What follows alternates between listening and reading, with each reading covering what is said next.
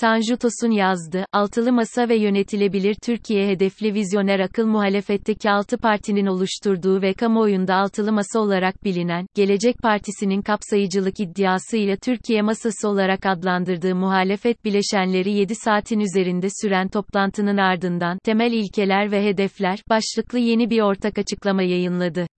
Açıklanan metinle bir yandan geçiş süreci ve ülke yönetimi konusunda bundan sonraki ortak çalışmalara referans kaynağı olacak bir tutum belgesi ortaya konurken, metnin aynı zamanda ulusa ve partilerin tabanlarına ortak bir taahhüt niteliği taşıdığı belirtilmiştir.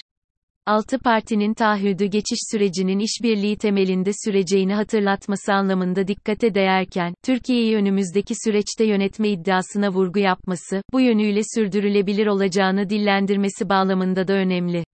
Aynı zamanda süreçteki işbirliği ve üretilecek politik, ekonomik, toplumsal politika önermesi temelli çıktıların meşruiyet temelinin ulus ve parti tabanlarına taahhüt niteliğinde olacağını vurgulaması anlamında kapsayıcıdır. Bunun ötesinde, metnin ortak bir taahhüt olarak tanımlanması sürecin salt geçiş sürecine yönelik politika üretme, Cumhurbaşkanı adayı belirleme, seçim ittifakı yapmakla sınırlı kalmayıp, Türkiye'yi önümüzdeki süreçte birlikte yönetme iddiası ve kararlılığını taşıdığını da hissettirmektedir. Ortak metinde detaylandırılan komisyonların işlev ve görevleri dikkate alındığında, masanın salt yürütme ve yasama iktidarını değiştirmeyle sınırlı kalmayacağı, ülkenin sorunlarını tanımlamaktan yola çıkılarak, sorun çözme odaklı politika önermeleri geliştirmek suretiyle, yönetilemeyen Türkiye'den yönetebilir alternatif bir iktidar seçeneğiyle Türkiye'yi yönetilebilir kılacak bir kurumlar bütünü, yapı ve sistem inşası odaklı hedeflere odaklanıldığı anlaşılıyor. Söz konusu hedeflerin aracı yapı taşları seçim döngüsü boyunca adil, serbest, şeffaf, güvenlik içinde yapılmasının altyapısını hazırlayacak Seçim Güvenliği Komisyonu, ekonomide kamu maliyesi merkezli, stratejik planlama odaklı olan ve çökme noktasına gelen iktisadi ve kamu mali sistemi ile yönetimini ayağa kaldıracak Kurumsal Reformlar Komisyonu, güçlendirilmiş parlamenter sisteme geçiş sürecine ilişkin anayasanın yasamaya ilişkin maddelerinde yapılacak değişiklikler konusunda yetkilendirilmiş anayasa Anayasal ve Yasal Reformlar Komisyonu görünüyor. Altılı Masa'nın mesailerindeki tahayyülün artık sınırlı bir restorasyonun ötesinde yönetilebilir Türkiye için bir reform hedefinin öne çıktığı izlenimi edinilmektedir. Bir anlamda mevcut düzene bir format atma kararlılığıdır söz konusu olan. Bu hedefin ilkesel temelleri ise ortak metinde 10 ilke ile somutlaştırılarak, liderler bu ilkelere sadık kalacaklarını taahhüt ve ilan etmişlerdir. Nihai hedef ise şu cümleyle ifade ediliyor, iktidarın gündem mühendisliklerini boşa çıkararak ülkemizi bu dar boğazdan kurtaracak, milletimizi hak ettiği demokratik ve müreffeh Türkiye hedefine ulaştıracağız.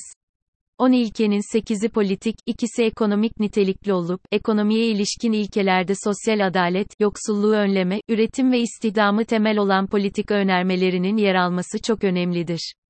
Bu ilkeler bir bütün olarak düşünüldüğünde altı partinin ne yapmak istediklerine dair bir yol haritası olup, önümüzdeki yakın süreçte nasıl yapılacağına ilişkin somut politika önermelerinin toplumla paylaşılacağı anlaşılmaktadır.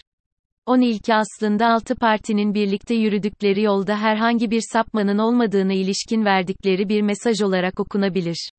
10 ilke aslında 6 partinin 28 Şubat tarihinde kamuoyuna açıkladığı güçlendirilmiş parlamenter sistem raporunda yarının Türkiye'sini inşa etme adına kurumsal yapıların nasıl olacağı ile ilgili düzenlemelere de yer verecek şekilde tasarlanmıştı. Bu ilkelere sadık kalınacağının taahhüt edilmesi bir yandan seçmenlere yönelik olarak sistemin sac ayaklarının özlü biçimde aktarılması, diğer yandan birlikte yürüdükleri yolda herhangi bir sapmanın olmadığını ilişkin verilen bir mesaj olarak okunabilir neden güçlendirilmiş parlamenter sistem sorusuna ilk ilke olan kuvvetler ayrılığı ilkesine dayalı güçlendirilmiş parlamenter sistemde net olarak yanıt verilmektedir. Hukuk devletinin yeniden tesisi, siyasetin normalleşmesi ve ekonomimizin tekrar refah üretmesi. Nokta. Farklılıklara saygı temelinde bir arada yaşama, toplumsal barışı ve kamu düzenini tehdit eden her türlü yapılanmayla mücadele eksenli özgürlükçü kamu düzeninin tesisinden, insan haklarına dayalı bir siyasal düzenin tesisiyle her türlü ayrımcılığı dışlayan bir demokrasi anlayışı ise her tür ayrımcılığa son verecek çoğulcu, katılımcı ve özgürlükçü demokrasi ilkesiyle resmedilmektedir.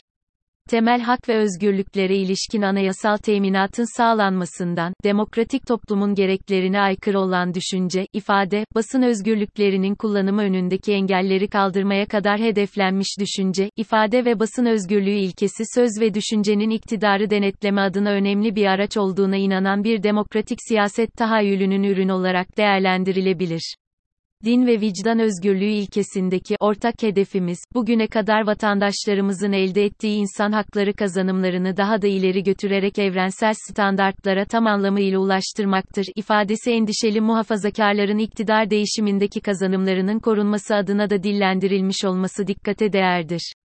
Bunun politikadaki aracının ilkede kamusal ve özel yaşamda herkesin inanç pratiğine saygılı olmayı esas alan özgürlükçü laiklik olarak ifade edilmesi, herkesin her türlü inancına ilişkin bir devlet teminatı olarak sunulması demokratik devletin olmazsa olmazıdır. Toplumsal barış ve tarafsız, bağımsız yargı önünde hesap verilirlik ilkesi demokratik hukuk devletinin doğasındaki kanunsuz suç ve olmaz, suç ve cezaların şahsiliği gibi evrensel hukuk ilkeleri referanslı, öznelliğe kapalı yargı anlayışı bugün gelinen noktada mağdurların özlem duyduğu hukuk ve yargı düzeninin inşası adına hayati öneme sahiptir. Siyasi etik reformu ilkesiyle altı özenle çizilen husus, kurumsal devlet yapılanmasını içkin yapıların ehliyet, liyakat temelinde yeniden tesisiyle, şeffaflık, hesap verebilirlik temelli, devlet sürekliliğini temel alan yapıların hakimiyetinde bir yönetsel yapının yeniden egemen hale getirilmesi, kamu düzenini zaafa uğratmaya eğilimli her türlü yapının engellenmesi gün ışığında yönetim taahhüdü adına umut vericidir. 10 ilkenin siyasi içerikli olan 8'inden sonuncusu etkin ve itibarlı dış politika ilkesi olup, metinde 6 partinin dış politikada ana önceliği ülkenin çıkar ve itibarını korumak, uluslararası alanda etkinlik ve saygınlığını en üst seviyeye çıkarmak şeklinde ifade ediliyor. AB perspektifli, tarihi ve kültürel bağlara sahip olunan ülkelerle ilişkileri geliştirme, dış politikayı iç politika malzemesi yapmaya izin vermeme, güvenlik ve sınırları koruma odaklı savunma sanayisini güçlendirme şeklinde dillendirilen uluslararası ilişkiler vizyonunda metinde yer almasa da, şahsi karar alma ve işleyişten uzak bir dış politika tahayyülü altı partinin üzerinde uzlaştığı bir diğer konudur.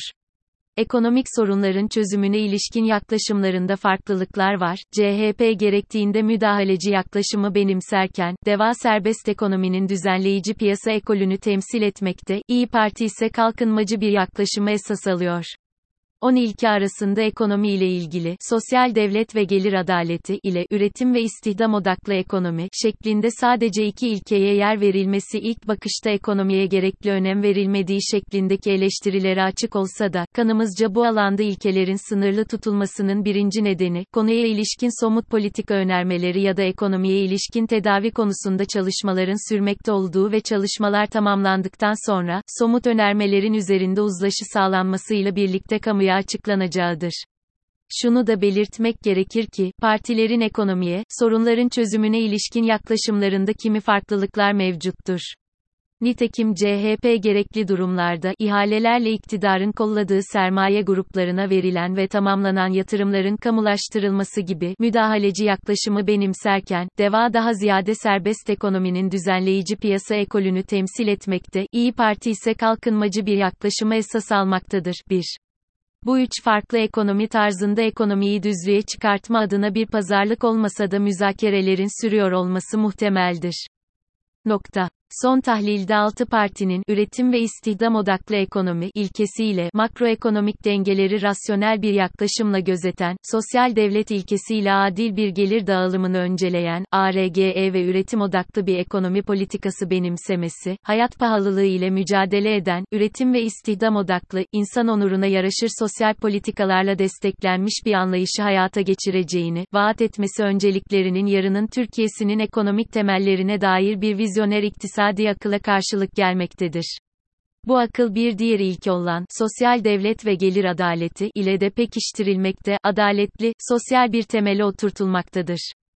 Sosyal devletin inşası, dezavantajlı kesimler için insana yaraşır bir hayat vaadi, kadınları eşitsizlik ve şiddetten kurtarma, çocukları istismardan, gençleri gelecek kaygısından arındırma, yaşanabilir bir yarının Türkiye'sini inşa adına partilerin uzlaşması çok değerlidir. Önümüzdeki süreçte ve toplantılarda bunların nasıl başarılacağına ilişkin makro çerçevede olsa da somut öneriler şeklinde toplumla paylaşılması, bu partilerin oluşturduğu masanın Türkiye'nin masası olabileceğine ilişkin seçmende bir heyecan, umut yaratacağı gibi, muhalefete olan inancın da artmasına katkı koyabilir. Son tahlilde müzakere ve işbirliğine dayalı vizyoner akıl, tekçi akıl karşısında kapsayıcı, demokratik olduğu kadar, yenilikçi ve sorun çözücüdür. 1. Alpan Telelek, Kılıçdaroğlu'nun kamulaştırması mı, Babacan'ın özelleştirmesi mi? https 2. medyascope.tv, erişim tarihi, 29 Mayıs 2022